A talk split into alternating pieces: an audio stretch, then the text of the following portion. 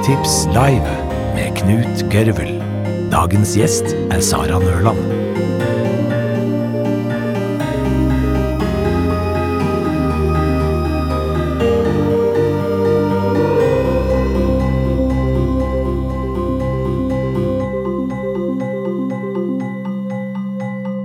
Sara Nørland er legestudent ved Universitetet i Oslo. Hun har bl.a. forsket på tørre øyne. Hun hadde også et opphold ved Harvard Medical School, hvor hun studerte det som jeg syns er utrolig artig, nemlig kjønnsforskjeller i tårekjertelen hos mus. Hun er eh, engasjert med å formidle populærvitenskapelige bidrag i aviser og podkaster, og nå har hun skrevet denne utrolig inspirerende boken 'Øye kroppens fantastiske kamera'. Ta godt imot Sara Nørland.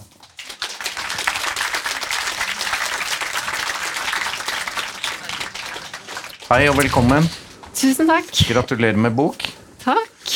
Jeg kan jo si med en gang at eh, jeg egentlig bruker briller. eh, Men Ja. jeg valgte å ikke ha det på i dag, fordi jeg tenker kanskje jeg blir litt mindre nervøs ved å ikke se ansiktsuttrykk og sånt.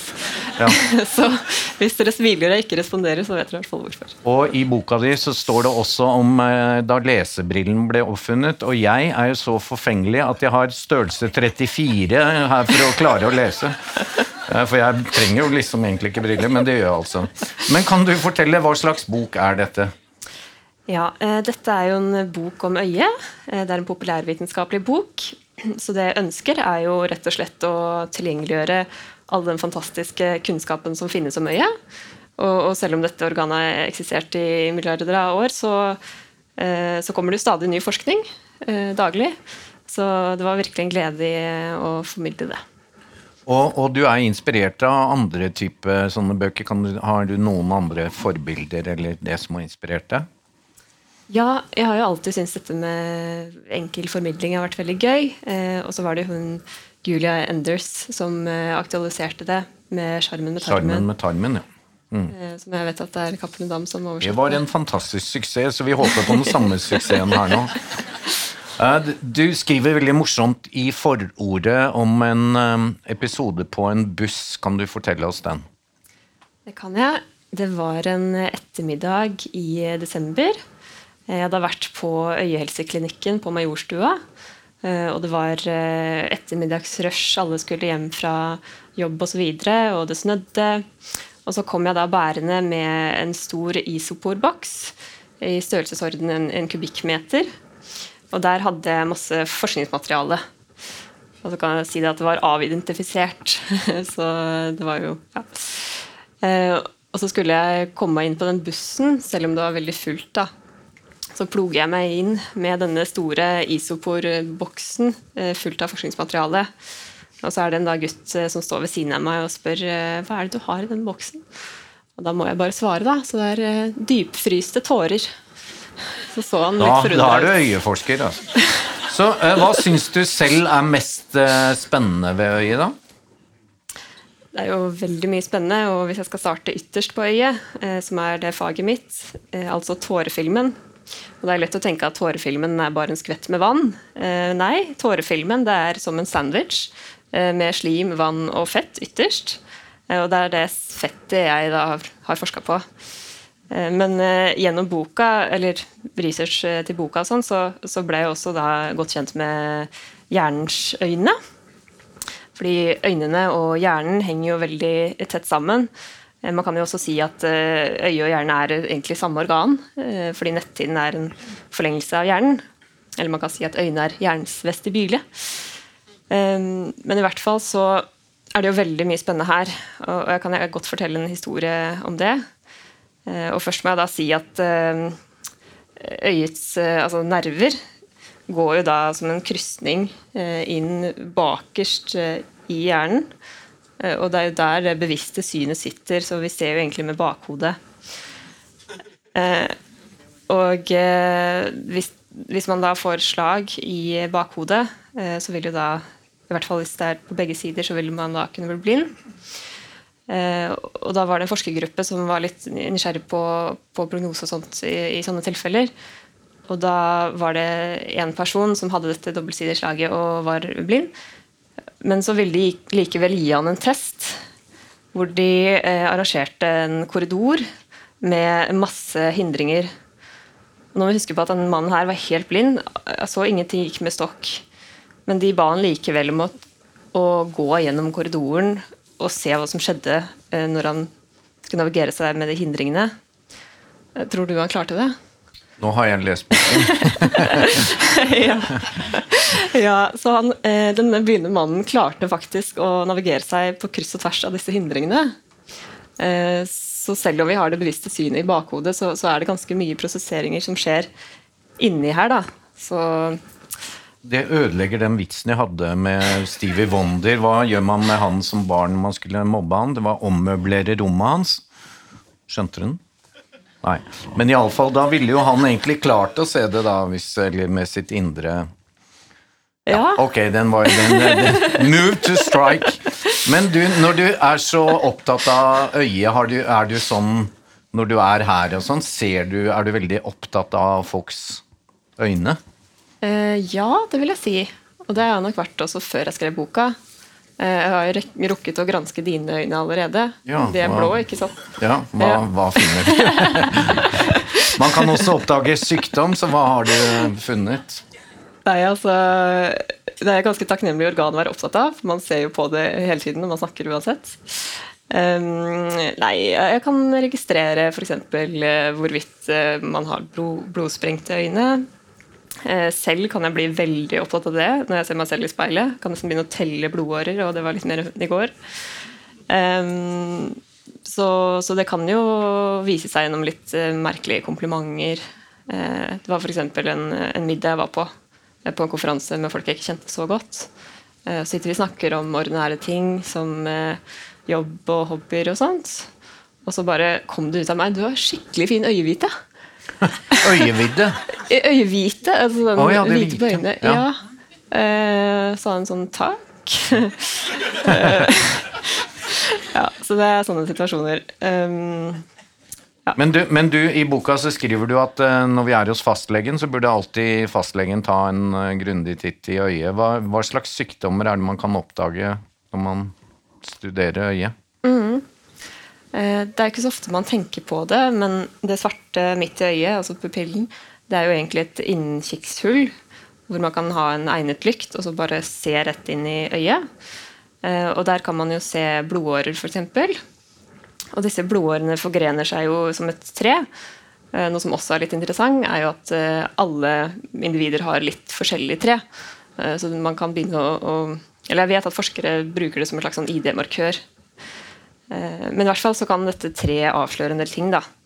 Så diameteren på, på årene kan fortelle om f.eks. blodtrykk og diabetes osv.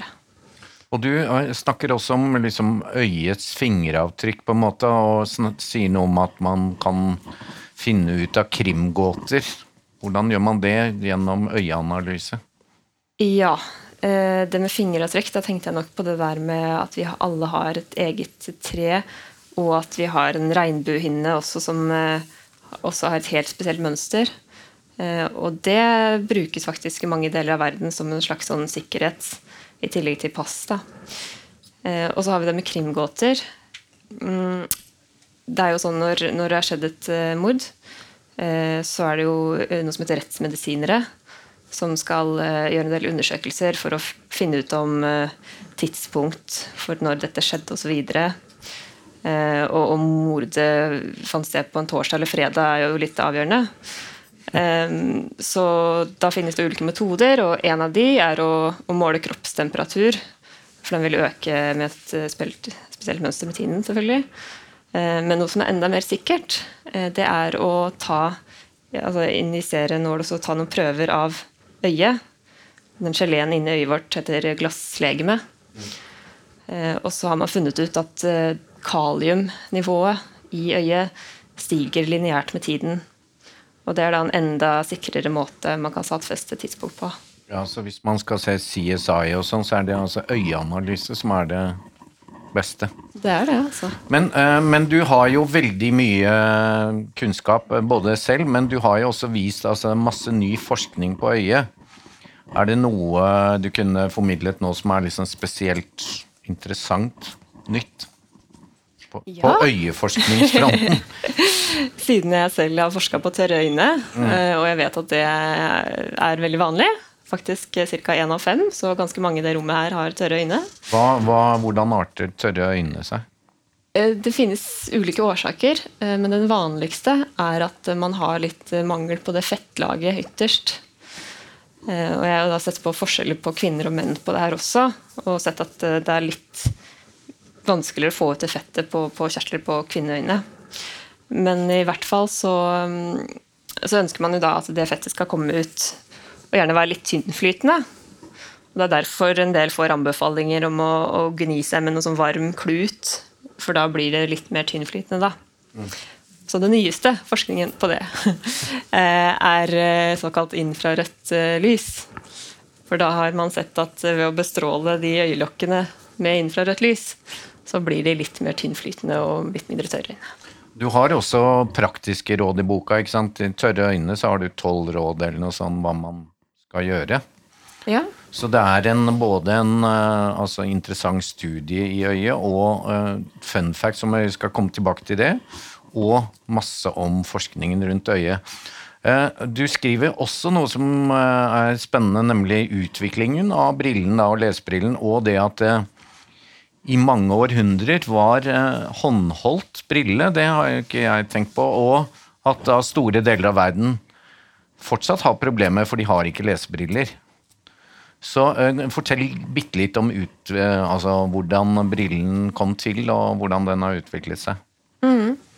Det er fortsatt litt uavklart akkurat når brillen kom, men det som står mest om, da, er at det ble utviklet i Pisa på 1200-tallet. Og så blei det en stor utvikling da i, i Pisa og Venezia fordi det var en stor eh, glassindustri i de områdene. Og da var det først og fremst den eh, konkave, altså det konkave brilleglasset eh, for langsynthet som ble utviklet først. Og det kan man jo tenke seg hvorfor at det er litt lettere å lage. Eh, nei, nå sa jeg motsatt. Konvekse, mente jeg. eh, og så kom eh, det konvekse eh, Konkave. Unnskyld.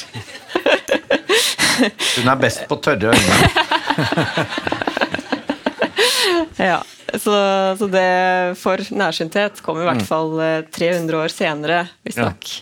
Og det var også da at handsfree briller kom. Så man har gått ganske mange hundre år med den håndholdte brillen. Ja, og, og du har også skrevet noe om at i, i 2050 eller noe sånt, så i og med at eh, befolkningen blir eldre og sånn, så er det liksom halvparten av verdens befolkning vil se mye dårligere. Ja, eh, det er jo rett og slett en nærsynthet-pandemi som går. Eh, Nå er det ca. en tredjedel av verdens befolkning som er nærsynte. Og WHO eh, estimerer at det kommer til å bli hver annen person i 2050. Eh, Så det blir jo et større og større behov for briller. Eh, Og hvis man skal snakke om hva det skyldes, så er det jo det at øynene har fått litt andre forhold i dag enn det hadde for 1000 år siden. Ja, og der har du også konkrete tips, vi som har barn eller ungdom i huset. sånn. Det er noe med at vi trenger litt pause fra skjerm og en del ting, så du har konkrete råd. Er det noen tips du kan ha til eh, folk her? Når det gjelder utviklingen av nærsynthet, eh, så går dette på øyets eh, vekst. Og det skjer ca. frem til 20-24 års alder. Så det er jo særlig i ungdomstida man skal tenke på dette her. Og det er jo dette som mange har hørt, at hvis man ser mye på nær lesing, så vil det gi mer nærsynthet. Det er en del studier som tyder på det, men det er også litt mer uavklart, da. Eh, Så det som i hvert fall er eh, veldig tydelig, er at eh, mye dagslys beskytter mot utviklingen av nærsynthet. Så man har sett at mye innesitting gir mer nærsynthet. Jeg er jo veldig glad i fun facts, og, jeg elsket jo sjarmen med tarmen, som dere også bør kjøpe. Men her på slutten så har du en del både myter og fun facts om øyet. Og jeg syns jo en ting som var veldig morsomt, var eh, eh, det å, å eh, himle med øynene, som enkelte beskylder meg for av og til. Som da ofte ikke er et så veldig godt tegn nå. Men kan du fortelle hva det liksom betydde på Shakespeares tid? Ja, for nå tenker vi at det betyr liksom passiv-aggressiv signal. Det er der jeg er litt uheldig. Eh, Men eh, det har ikke alltid gjort det. Eh, Så det man finner i Shakespeares litteratur, er at han brukte det om karakterer som var veldig lidenskapelige, og ja, at det skulle uttrykke lyst og lidenskap. Så husk på det hvis mannen din eller kona di himler med øynene. Det er lyst og lidenskap. Men å se til siden, da? Altså med sjekking, holdt jeg på å si. Hva betyr det å se til siden? Nei, altså det er jo en del eh, studier som tyder på at det å kunne holde øyekontakt eh, er en positiv ting. Men eh, så kom jeg også over en studie som jeg syns var veldig interessant. Og det er at når man tenker veldig hardt, la oss si på et filosofisk spørsmål eller på en matematisk oppgave, så, så er det veldig ofte at man drifter øynene til siden og, og oppløser øyekontakt. Og det er nettopp fordi at eh, det å holde øyekontakt det krever veldig store kognitive ressurser. Og så Hvis jeg nå ser på deg og skal tenke på noe vanskelig, så tenker hjernen min bare Knut, Knut, Knut, og så får jeg ikke sagt det jeg skal. Og der må jeg liksom se litt bort. Så hver gang man mister blikkontakt, så kan det være en interesse der. Det er veldig viktig å huske. Og så er det noe Den syns jeg var veldig søt, da, med sommerfugler og krokodiller. Ja. Så um, det er faktisk noen som drikker tårer. Og det gjør altså sommerfugler. De drikker krokodilletårer. Så selv om eh, krokodilletårer er hyklerske, så er det noen som liker det også. Så, sånn er altså denne boken også fylt med. En fantastisk eh, morsom, interessant, populærvitenskapelig bok om eh, kroppens mest fantastiske kamera. Gi Sara en kjempeapplaus. Boktips, en podkast fra Cappelen Dam.